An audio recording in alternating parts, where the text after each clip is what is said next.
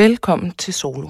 Så er vi tilbage, og vi håber, I har haft en dejlig sommer fyldt med masser af musik. Vi har fået fornemt besøg i dette program, hvor vi dykker helt ned i funkbassens historie. Aske Jacobi deler ud af sin enorme viden og drysser med gavmild hånd eksempler ud over hele programmet. Jakob Trolle styrer som sædvanlig slagets gang. God fornøjelse. Goddag og rigtig hjertelig velkommen til Solo Podcast.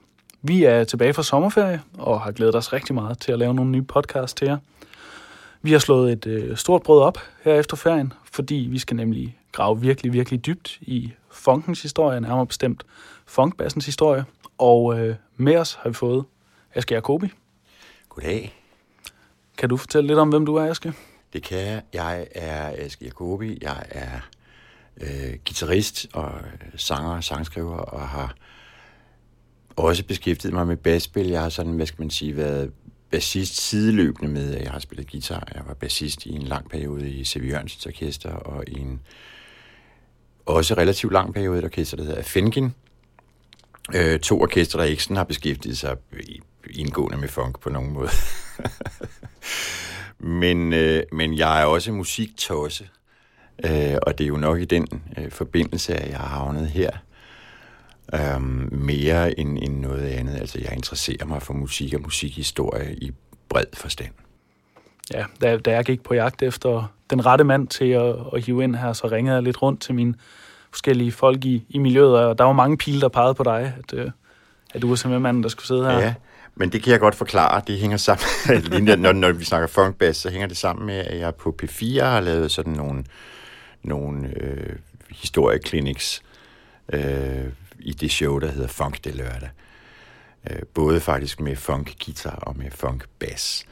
Øh, og det var lidt det der med funk bass, det var lidt en tilsnigelse, fordi de spurgte mig, hvem de skulle spørge. Hvem de, nu havde jeg lavet den her guitar session med dig, de her fire udsendelser med guitar. Det var jo skide godt, vi vil gerne lave noget tilsvarende med bass. Hvilken bassist skal vi spørge? I skal selvfølgelig spørge mig, sagde jeg så. Og, øh, og det var jo øh, altså en halv løgn, men så endte det med, med at øh, fungere rigtig udmærket. Jamen øh, lige til at starte med, nu har vi jo valgt at kaste os over det her emne, hvis man skal begrunde hvorfor. Altså hvorfor er sådan en fed funk, funk baseline? Hvad kan den? Hvorfor, hvorfor er det fedt? Altså det er jo svært at svare kort på, men altså den er jo, øh, hvad skal man sige, den har med den dybe tromme at gøre. Altså al den musik, som vi beskæftiger os med, det vil altså, altså al den musik, vi beskæftiger os med, der har trommer, sådan kunne vi kalde det. Ikke? Øh, funk, rock, jazz, blues, hip-hop, reggae osv., er jo musik, som har sin, øh, sit udgangspunkt i øh, Afrika og i hele slavehistorien og så videre. Og funkbassen er jo ligesom det, der øh, før der var en elektrisk bas, så var det jo det, der var den dybe tromme. Og den måde, man spiller bas på, når man spiller funkbas, det er jo sådan et sted midt imellem den dybe tromme, og så nogle toner, der stammer fra dels øh, øh Mali og Nigeria, hvor det, som vi jo i dag kender som blues, ligesom har sit udspring. Øh, og dels stammer fra, fra øh, de europæiske kolonisatorer, øh, Øh, navnlig i Spanien, og øh, også de arabiske kolonisatorer, altså øh, Nordafrika, Marokko, Algeriet og, og Ægypten, som jo var nogle andre mennesker end, end dem syd for Sahara. Altså de ikke bare så anderledes ud, de havde en anden musikkultur, en helt anden måde at, at arbejde med musik på, men de tog også slaver, altså marokkanerne eksempelvis tog mange slaver fra Mali, på samme måde som europæerne tog slaver fra Mali og Nigeria. Og på samme måde som europæerne har med årene adopteret øh, afrikanernes musik, så har araberne altså også gjort det. Og på samme måde som europæerne har blandet deres egen musik, deres harmonier ind i den afrikanske måde at have rytme på, eller spille rytmisk på, på samme måde gjorde marokkanerne det også. Altså stjal musikken fra øh, deres slaver fra Mali, og øh, så fik de spark i røven, og så spillede de ellers den der fede funk, før den var fed funk. Ja, nu er vi ligesom allerede øh, taget ud på auditionen, kan man sige. Funken, funkbassen, hvor starter den? Ja, altså, den moderne funkbass spørger du om, ikke? Jamen, hvor starter den? Jamen, det er sgu svært at skille ad, fordi altså det, jeg mener jo, den starter i, i sådan noget øh, præ, øh, præ-slave-historie. Ikke? Og så øh, kan man så sige, at det, det den udvikler sig til, det vi kan kalde den moderne funkbass, den starter jo et eller andet sted for godt 100 år siden i, øh, i New Orleans, hvor den jo øh, dels var en, øh, et kosteskaft stukket ned gennem en vaskebalje og en streng bundet til vaskebaljens kant og til kosteskaftets ene ende som man så spillede på, og så pressede man strengen ind på kosteskaftet, så den skiftede tonehøjde. Altså på fuldstændig samme måde, som man spiller på et hvert strenginstrument. Og det var selvfølgelig fordi, øhm, at de her slaver, de måtte ikke have deres egne instrumenter. Da de kom til, til Karibien og til øh, USA, der fik de forbud mod at tale deres sprog, og de fik forbud mod at synge deres sange og spille deres instrumenter. Det er en frygtelig historie i virkeligheden, jo. Øhm, og øh, så i løbet af det, så opstår der jo selvfølgelig, du kan ikke holde menneskets kreativitet eller menneskets sjæl nede. Du kan pine det og alt muligt, men du kan ikke knuse menneskets tanke eller hjerteslag, eller eller andet. Så skal du slå dem alle sammen ihjel i hvert fald. Øhm, og derfor så opstår der jo instrumenter ud af de muligheder, der er. For eksempel den der bas der, der opstår ved vaskebaljen, kosteskaftet og en snor eller en, en, hvad der nu var, der kunne bruges som streng. Det stiller vel også øh, høje krav til musikaliteten, kan man sige, at, øh, at det er så primitivt, det man arbejder på? Jamen altså, det stiller vel lige så høje krav til musikaliteten, som et godt instrument vil gøre. Øh, der tror jeg ikke, der er nogen forskel. Altså, det, det er jo, hvad skal man sige, det er behovet for at udtrykke sig, som er det, det afgørende her. Ikke? Og mm. der er et behov, som jo er kendetegnende for, for homo sapiens. Ikke? Vi skal øh, udtrykke os på den ene eller den anden måde. Øh, vi skal have vores følelser ud, og det gør vi med musik og med dans især. Ikke? Nogle gør det på med teater og, og litteratur også, men, og malerkunst, men altså øh, musik og dans er jo sådan noget, der, hvor følelserne bliver udtrykt med det samme, og det har der været et enormt behov for selvfølgelig der. Ikke? Funkbassen har jo så ydermere også øh, sit udspring i, vi bliver i New Orleans i øh, militærmusikken. Og så siger den kloge lytter, jamen undskyld mig, hvad har militærmusikken at gøre på nogen måde med funk? Ikke så lidt. Altså trommerne for eksempel. Lille tromme, stor tromme. Øhm, og alt det der, det blev til marching band, og i marching bands, var der jo susafonen, som jo er den, øh, et tuba extra large. Mm. Og øh, mange af de her marching bands, altså øh, second line bands, som jo spillede til begravelser og til fester og så videre i New Orleans, det var jo altså gamle militære instrumenter som trompeter og basuner og sousafoner og lille trommer og stortrummer. Og så pyntet med percussion ala Afrika som koklokker og øh, maracas, øh, hvad man ellers kunne, ting man kunne lave ud af af hvad man nu havde ved hænderne. En dåse, man forsejler med gaffatape i den ene ende, og så har man puttet nogle ærter i, så har man en chakadé, og så videre på den måde der. Ikke? Helt sikkert. Inden vi kommer for langt ind i øh, New Orleans, synes jeg lige, vi skal prøve at høre noget malemusik. Øhm, det bliver spillet på et specielt instrument, forgangen til den elektriske bas. Kan du fortælle lidt mere om det? Ja, altså nu sagde du Mali-musik, og det er jo altså kun en halv sandhed, fordi det er musik, der har sit udspring i Mali, men det er faktisk marokkansk musik. Mm. Og det instrument, vi skal høre, det er sådan en træstrenget øh, bas, cello, altså den stemmer lidt højere end en bas, og den stemmer, stemmer sådan cirka som en cello gør, men den har altså kun tre strenge og ingen bånd. Øh, men den er spillet med tommelfingeren på samme måde, som, øh, som slapbassen er gjort. Øh, og der, der har vi i mine ører et bud på, hvordan funkbass anno 1603 kunne have lyttet. Helt sikkert. Lad os høre det.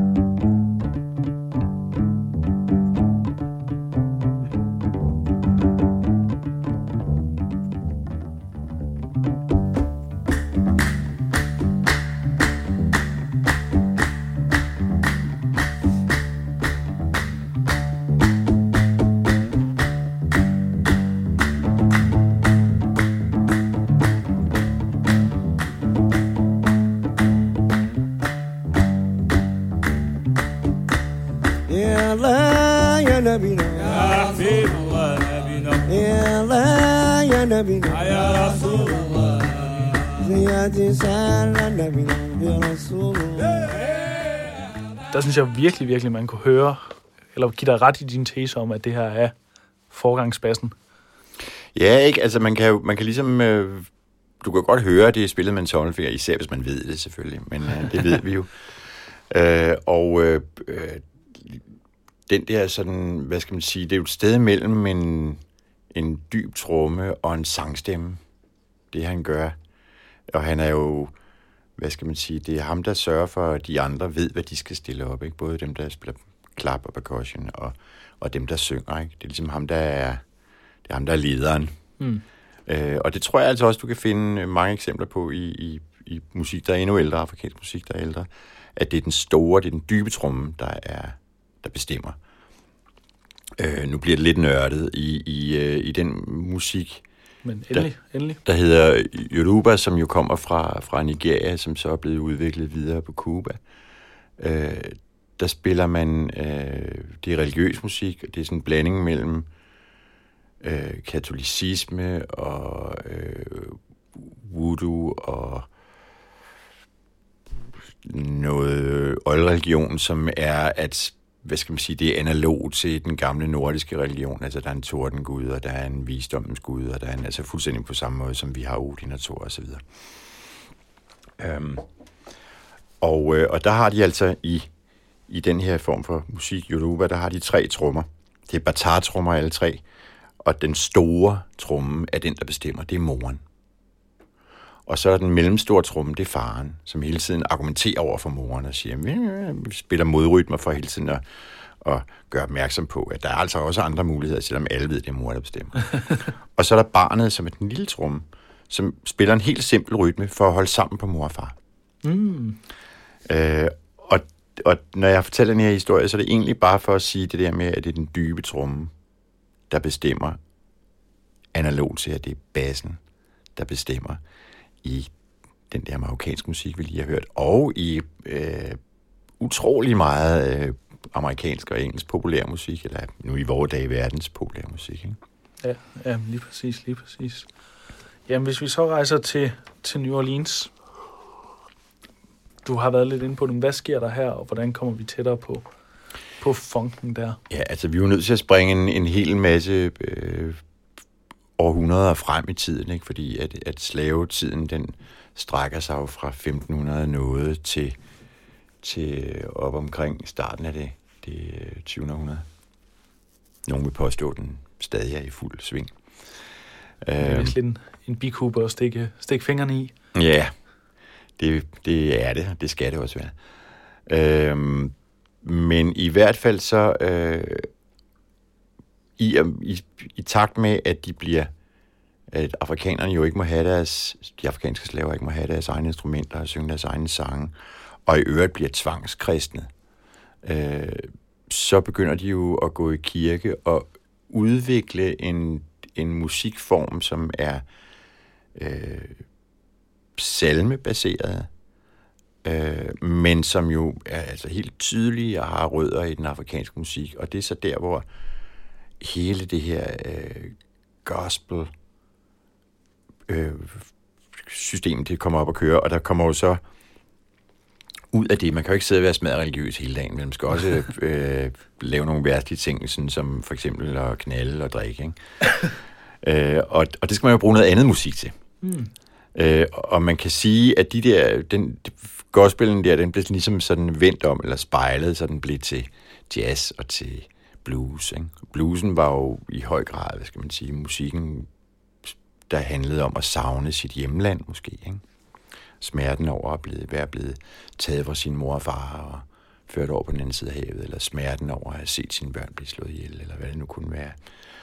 Øhm, og ud af det der, og den der, øh, det marching-bandet, vi snakker om før, med susafonen og så videre, der opstår jo ligesom øh, noget, hvor jazz og blues og rock and roll, eller hvad skal man sige, præhistorisk rock and roll, smelter sammen, og, og, eller der er en gren på træet, der vokser ud, som vi så kan kalde funk. Og til dem, der ikke ved, hvad funk betyder, så betyder det altså, if, if something smells funky, then it smells really, really bad. Altså, det er en, det er en stinker, simpelthen ikke. Det er en stank. Um, en Michael Jackson-fan vil nok kunne huske den sang, der hedder Thriller, hvor øh, skuespilleren Vincent Price, han læser en tekst op. Blandt andet siger han, da der, de åbner en grav i den her tekst, så siger han, The funk of 14.000 years. Okay, det stinker, ikke? Og det vil sige, det er musik, der er, altså, lugter af sved og sprut og øh, det, der er værre. Jeg tør slet ikke sige de ord her i mikrofon. her i radioen. Hvad er det for nogle bassister, der kommer ud af det her, den helt tidlige, stinkende funk? Altså, det er jo, øh, det er jo før den elektriske bas, ikke? Så det er jo, altså det er jo, for det første er det jo øh, bassister, der spiller øh, på den der vaskebælge der, ikke? Og så, så er det de der sousaphonspillere, og så er det øh, kontrabassister, som jo på det tidspunkt jo spiller, øh, det hed jo ikke funk, det hed jo jazz. Mm. Men hvis man lytter på for eksempel Louis Armstrong fra 1925, 27, 28 stykker, så er det møgbeskidt.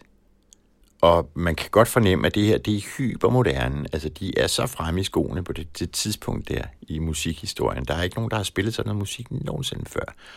Og det er øh, frægt, og det er sexet, og det er øh, altså udfordrende for, for, hvad skal man sige, det bedre borgerskab, fordi det virkelig fortæller en historie om noget uha nej, ikke? Så de bassister, der dukker op der, vil du gerne have nogle navne, er det det?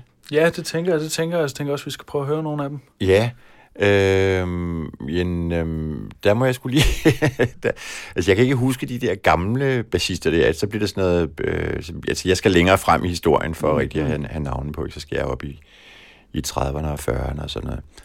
Øhm, men, øh, men, men altså, hvis vi skal høre noget, der ligesom kan fortælle lidt af den historie, så skal vi næsten høre noget, øh, noget brassband fra New Orleans. Det synes jeg. Lad os prøve at lytte. Thank you.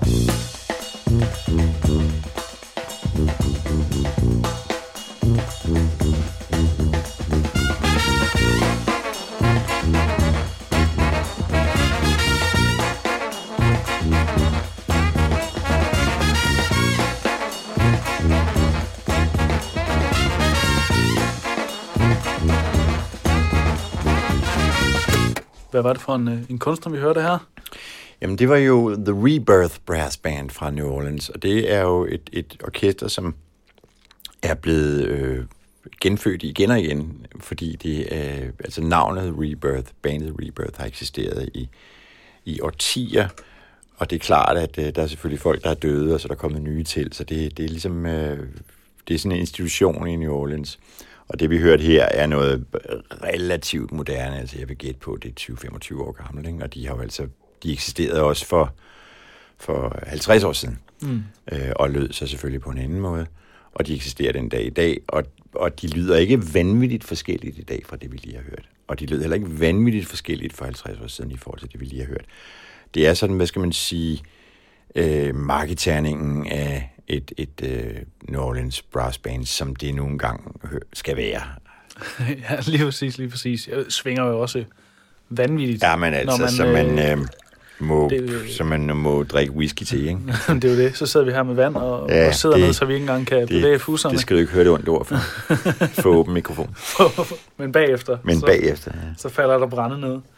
Jamen fornemt, fornemt. Det var, det var brassbandsene fra New Orleans. Hvis vi bevæger os lidt længere frem, hvad sker der så? Ja, men altså, jeg kunne i virkeligheden godt tænke mig, inden vi bevæger os øh, op gennem USA, så kunne jeg egentlig faktisk godt tænke mig at bevæge mig en lille smule østover igen. Hvis det er i orden. Endelig. endelig. Øh, fordi øh, der findes i Mali, findes der jo, øh, eller især igennem de sidste 20 år, er der jo opstået sådan et, et fokus på, på moderne musik derfra, som jo altså er, er rooted i den originale musik, som jo altså er øh, arnestedet Mali og Nigeria er der, hvor blues og funk er blevet født. det er blevet... Der dem vil påstå, at det foregår i New Orleans, fordi det er kommet ud af jazzen. Men jeg siger, at det er Mali, og det er Nigeria, og jeg synes, vi skal lytte på et moderne orkester fra Mali, der hedder Tina Rewan, Og det er altså bas og guitar, djembe og vokal, og jeg har en lille historie at knytte til det. Jeg spillede med Sevi Jørgensen på Roskilde Festival i 2010 på Arena, lørdag eftermiddag. Og før os skal der spille et eller andet orkester. Og vi sidder inde i skurvognen og glæder os til at spille, og det her andet orkester begynder at spille, og vi kan høre det gennem skurvognens vægge, og det lyder, altså det er så dybt funky, så jeg, øh, jeg ved slet ikke, hvad jeg skal gøre. Så jeg bare, jeg løber op og står på, ude på kanten af scenen og, og høre det her orkester i hele deres koncert, og er fuldstændig solgt. Jeg kunne næsten ikke spille bagefter af bare øh, bevægelse. Altså, jeg var fuldstændig færdig. Det var noget af det sådan, af det dybeste groove, jeg har hørt i mit liv, og jeg har sgu ellers hørt James Brown, men det der, det, det tog mig virkelig. Så lad os prøve at høre det.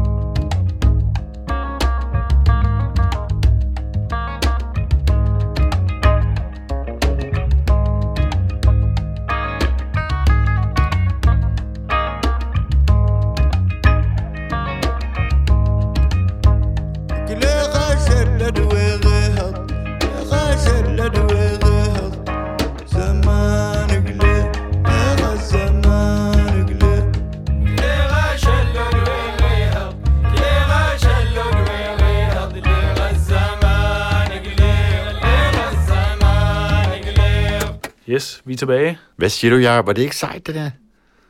Jeg synes, det var overdrevet sejt. Ja, altså, det er giga, giga benhårdt, altså. Det er- det, er det simpelthen. det, det er virkelig groove. Ja, det Det er, er- det er the deep shit, ikke? Og det er Fantastisk jo... Altså, at lægge øre til. Det er nu- bas, og det er to guitarer, og det er én tromme, altså en djembe, ikke noget trommesæt eller noget. Men det, altså, det rocker jo for sindssygt hårdt, ikke? Jamen, det, det gør det virkelig. Jeg, jeg er lidt på røven lige nu. Mm. Øh, journalistfacaden er lige ved at kraklere. Ja, men det er godt, det skal kæft, den også. det svinger. Altså virkelig. Ja, det er dejligt. Altså, det er skønt. Vi skal ja. videre på rejsen jo. Det skal vi, men lad os øh, sejle øh, tilbage vestover. Øh, og, øh, og lad os gå i land øh, et eller andet sted på østkysten. Øh, hvad skal vi gøre? Jeg har sige noget til mig. Hvad vi skal gøre? Jamen, øh, skal, vi, skal vi begynde at tage fat på en elektrisk bas? Ja, det må vi hellere. Altså, det udvikler sig jo der i, i øh, jazz og blues bliver jo elektrificeret der i løbet af 30'erne, og så kommer 40'erne, og så kommer krigen, og krigen er jo med til at gøre mange frygtelige ting, men også med til at udvikle øh, teknologi, øh, nemlig rørforstærkerne. De bliver jo super udviklet. De er opfundet, men de bliver udviklet til øh, nye højder i løbet af 2. verdenskrig. Det vil sige, at i slutningen af 40'erne, der begynder man for alvor at elektrisk forstærkede guitarer. Og det er klart, at så begynder tromslænderne at spille højere. Og det er klart, at så skal bassisten også til at spille højere, og så opfinder man jo basgitaren. Øh, og det gør man jo i, altså sådan for alvor, altså en Fender bass, den, den ser man noget til sådan i 1949-50 stykker for første gang. Ikke? Øh, og der er det jo altså spritnyt, og der er jo selvfølgelig ikke rigtig nogen, der har lyst til at røre ved det. Øhm, men det kommer jo naturligvis efterhånden.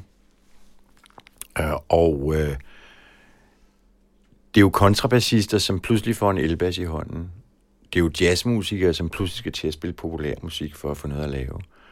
Øh, eksemplet på sådan noget kunne være øh, The Funk Brothers, som jo øh, sidder i, i Detroit fra 1900 og 1958 til 1973 og spiller på praktisk talt alt, hvad der bliver udgivet på plademærket øh, Motown.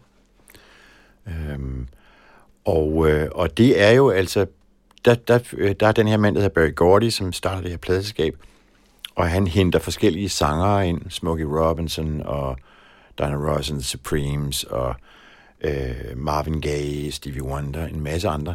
Så han har brug for et fast band, som kan sidde og spille til spille de her sange. Han har også en helt hold sangskriver, der sidder og skriver. Øh, og hans ambition er jo selvfølgelig at få hvide mennesker til at høre på sort musik i USA. Øh, og hvem er der, der kan spille? Det er selvfølgelig sorte jazzmusikere. Det er dem, der er bedst. Det er simpelthen dem, der er dygtigst. Han skal bruge nogen, der kan lyde skide godt på stedet. De sidder så i et rum, der er, ja, hvad skal vi sige, det er 35 kvadratmeter. Der sidder de så langs væggene, piano, to guitarer, trommer, percussion, nogle gange horn og sangere. Og der er jo øh, ganske få mikrofoner. Det er jo slet ikke som i vores dage, hvor man har isoleret alting, og hvis man overhovedet har et akustisk orkester.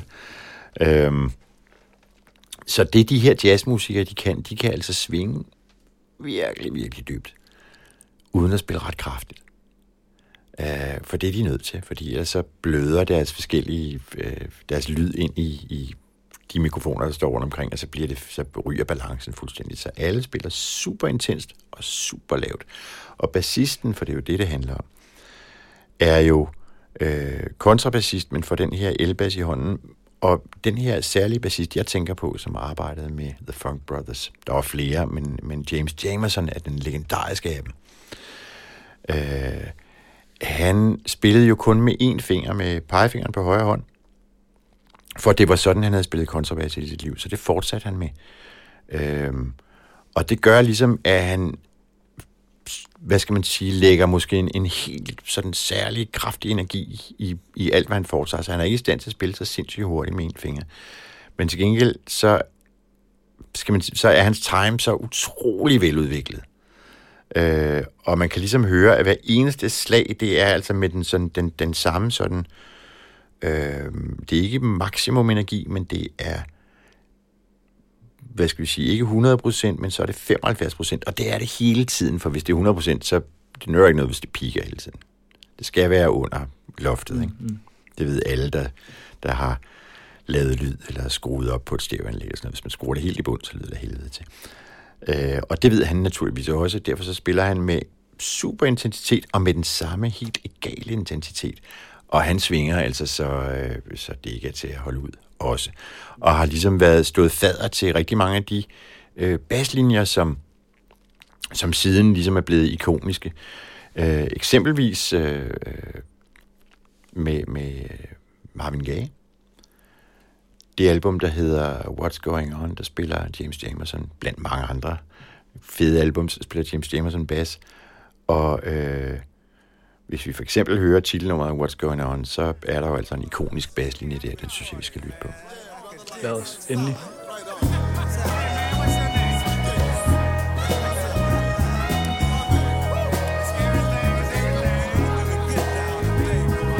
Mother, mother, there's too many of you crying. Brother, brother, brother, there's far too many of you dying. You know we've got to find a way to bring some loving here today. Yeah. Father, Father. Det lyder jo igen fornemt. Vi snakkede lige om, fordi normalt, når du spiller bas, så foregår det jo gerne med to, måske tre fingre endda. Hvor, hvor på højre hånd, jo. på højre hånd, naturligvis. Øhm, at det, det, det er egentlig en meget god, det kunne være en god øvelse, fordi det tvinger folk til at være økonomiske. Man kan høre, hvor økonomisk han spiller, ikke? Ja, altså det er jo sjovt at høre, når man hører originalen her, ikke, hvor relativt lidt han spiller. Øh, og det er selvfølgelig dels af nød, men det er jo også fordi, hans smag er så vanvittig god, og når, når øh, andre mennesker skal spille den her, den her linje, eller noget, der minder om, så kommer de uværligt til at spille meget mere. Altså typisk bum, bum, bum, bum, bum, bum, bum, bum, og det er jo altså cirka dobbelt så meget, som han vil spille. Ikke? Øhm, og det har noget at gøre med, øh, at han, han lægger så meget energi, og hans time er så god, så det føles som om, der foregår enormt meget. Og når man så lytter på det, så gør der det faktisk ikke. Og øh, jeg hader at bruge klichéen, men nu gør jeg det altså igen. Less is more. Og det er jo selvfølgelig noget sludder, fordi more is more. men, øh, men, og så alligevel, ikke? det er et helt tydeligt eksempel på, at spil mindre, så fylder det mere. Mm. Øh, det er faktisk også sådan, at hvis du slår hårdt på dit instrument, så siger det mindre. Så hvis du slår en anelse blødere på dit instrument, så åbner det sig op og siger meget mere. Og det er jo også sådan en klassisk, et klassisk misforhold mellem, hvad skal man sige, øh, det man gerne vil, og den måde, man gør det på. Det er typisk i hvert fald, når man er ung, så kommer man til at slå alt for hårdt, og så siger det i stedet for bing. Øh, og det er det, han ved, James Jamerson. Han ved præcis, hvor meget eller hvor lidt der skal til for at få maksimum output, så det både lyder øh, stort og fyldigt, og stadig ikke tager al pladsen. Men, men man kan jo sige, med den der linje, han spiller der, at han fører jo fuldstændig analog til, til, øh, til det der Gnawa-musik, vi hørte i starten med Gimli-spilleren. Bassisterne fører, det er deres linjer, der bestemmer, hvad der i øvrigt foregår. Og det er altså ret øh, signifikant, ikke bare i funkmusik, men i det hele taget. Øh, bassisten ejer nummeret. Bassisten ejer musikken og er i stand til at afgøre, om det er den ene eller den anden tonart, eller om det er den ene eller den anden øh, rytmeoplevelse, om det er halvtid eller dobbelttid osv. Og det er Jamerson et, et, et, et øh, fornemt eksempel på. Yes, helt sikkert. Vi skal lidt videre. Kan jeg hive dig op til Larry Graham, eller går vi for hurtigt nu? Altså, det kan vi godt. Nu havde vi fat i, i, øh, i Jamerson, og det er jo, altså en, det er jo en periode, der, der starter i slutningen af 50'erne og, og frem til midt 70'erne, især han dør i 1983. Øhm, og Larry er jo øh, en lille anelse yngre og nulevende. Øh, han er vel nogen af 70 i dag, tror jeg. Øh, og han øh, jeg bliver i hvert fald opmærksom på Larry Graham, da han træder ind i Sly and the Family Stone, som jo først havde en bassist, der Rusty Allen, som jo også er fantastisk, som er en helt anden skole. Han spiller med plekter og har sådan en meget, en meget spinkel lyd, men altså ultra funky også. Mm. Larry Graham er en af de mennesker, måske det menneske, som uh, introducerer uh, uh, the slap bass, the slap bass, undskyld mig. um, Og øh, historien er, at da han er en ung dreng, der spiller han i et gadeband med sin mor. Og de er øh, moren, der øh, synger og spiller percussion, og Larry, der spiller elbass på en lille bitte batteridrevet forstærker. Og øh, det er det. Så de synes ligesom, der mangler nogle trommer, og så opfinder han ligesom den der måde at spille bas på, fordi så er det som om, der er et tromsæt. Han lader ligesom, han er et tromsæt. Og det er jo ikke noget med, at Larry Graham opfinder øh, slapbassen. Nej, det er i virkeligheden øh, Larry Grahams øh, gener, der fortæller ham en historie fra flere hundrede år tilbage i Afrika, øh, om hvordan han skal gøre. Og øh, det gør han så i de her gadebaner. På et tidspunkt så spiller han en masse gospelmusik, og er også med til at udvikle det gospel til, hvad det er i dag. Jo temmelig, temmelig teknisk øh, krævende musik. Øhm, nogen vil sige lige i overkanten. Øh, mig for eksempel. øhm, men der, der, hvor han ligesom træder for alvor træder i karakter, det er, da han afløser i hvert fald for mig, afløser Rusty Allen med Sly and the Family Stone, og lad os endelig forsøge at høre lidt af det. Der kommer et nummer, der hedder uh, Thanks for Talking Back to Me, Africa. Yes, mm-hmm.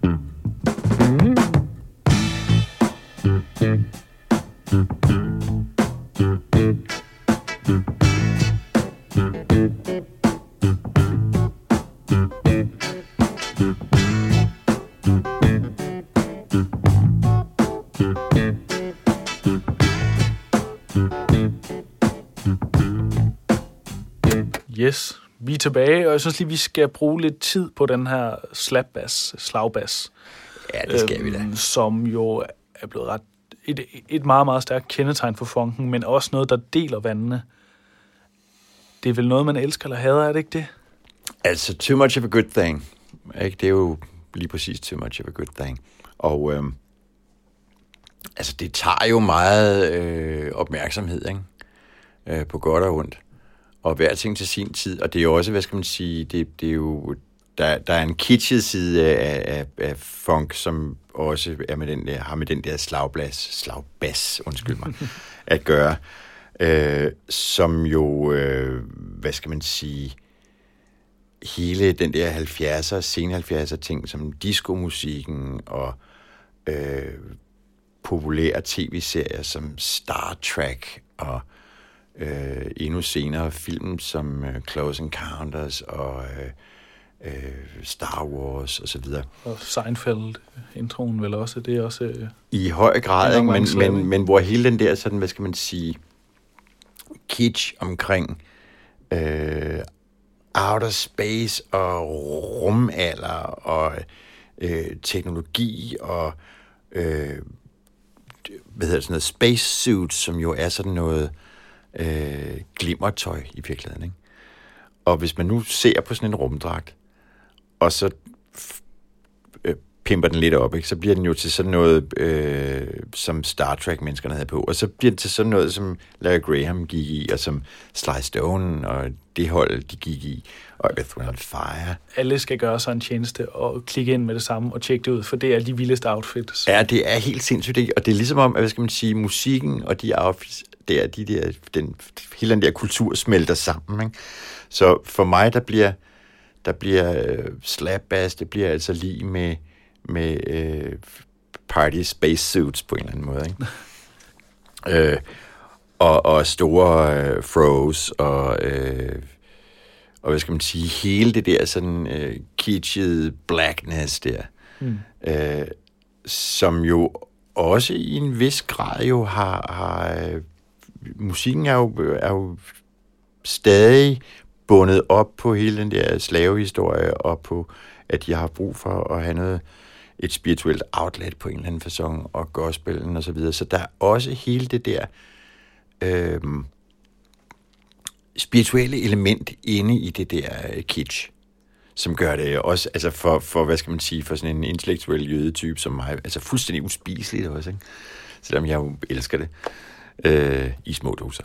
I små Og det er rigtigt, at, at slagbassen på den måde, det er, eller hvad skal man sige, hele den der kultur kan dele vandene, ikke? Altså jeg er, øh, jeg er til falds for det, men jeg kan ikke, altså det er jo lidt ligesom at spise Otello lavkage, ikke? Altså tre stykker, så er man fuldstændig færdig, ikke? Vi skal måske lige hurtigt sige, slagbas, du bruger din tommel til at slå ind på bassen, samtidig med, at du popper eller hiver i de nederste strenge, ikke med dine pegefinger. Sådan øh, kunne det være, ja. Altså, det, det, der er det rigtig vigtige der, det er, er øh, øh, at, du, at du knalder til enden med dine tommelfinger. Ikke? Men, men øhm, kunne vi ikke høre et, øh, et hvad skal man sige, topklassisk eksempel på det, nemlig Larry Grahams øh, Pow? Det synes jeg, vi skal gøre. Det gør vi. Caught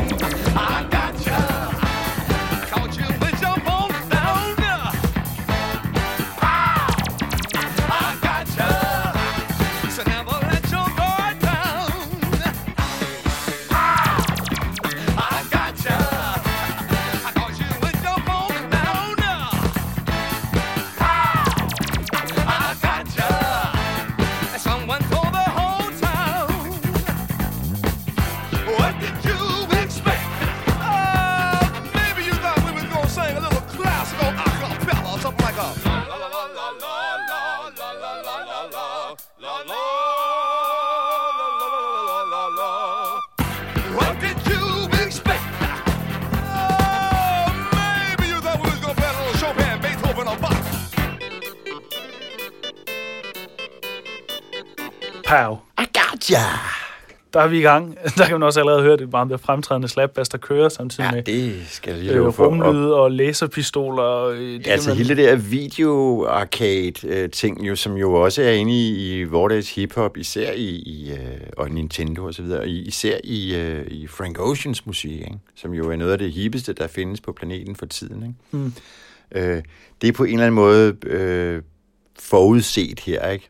Øh, jeg kan også, altså alt det der kitsch, jeg snakkede om før, det er jo i den grad repræsenteret her, må man sige. Øh, og altså, der er jo, vokser jo vinger ud bag på de her folk, ikke? med sådan noget, sat op med sådan noget stoltråd og noget værk. Ikke? Øh, det er jo skideskæg, altså, og super fedt. Ja. ja, det lyder vildt. Eller Ja, det er virkelig øh, ja. Sugar Rush. Otello lavkagen er måske meget... Ja, fuldstændig meget godt eksempel. smurt ind i lavkage. Og her midt i Space-funken runder vi første del af denne funk-odyssé af. I næste afsnit tager vi fat lige der, hvor vi slap, nemlig hos den store Jakob Pastorius. Indtil da, tak fordi du lyttede med.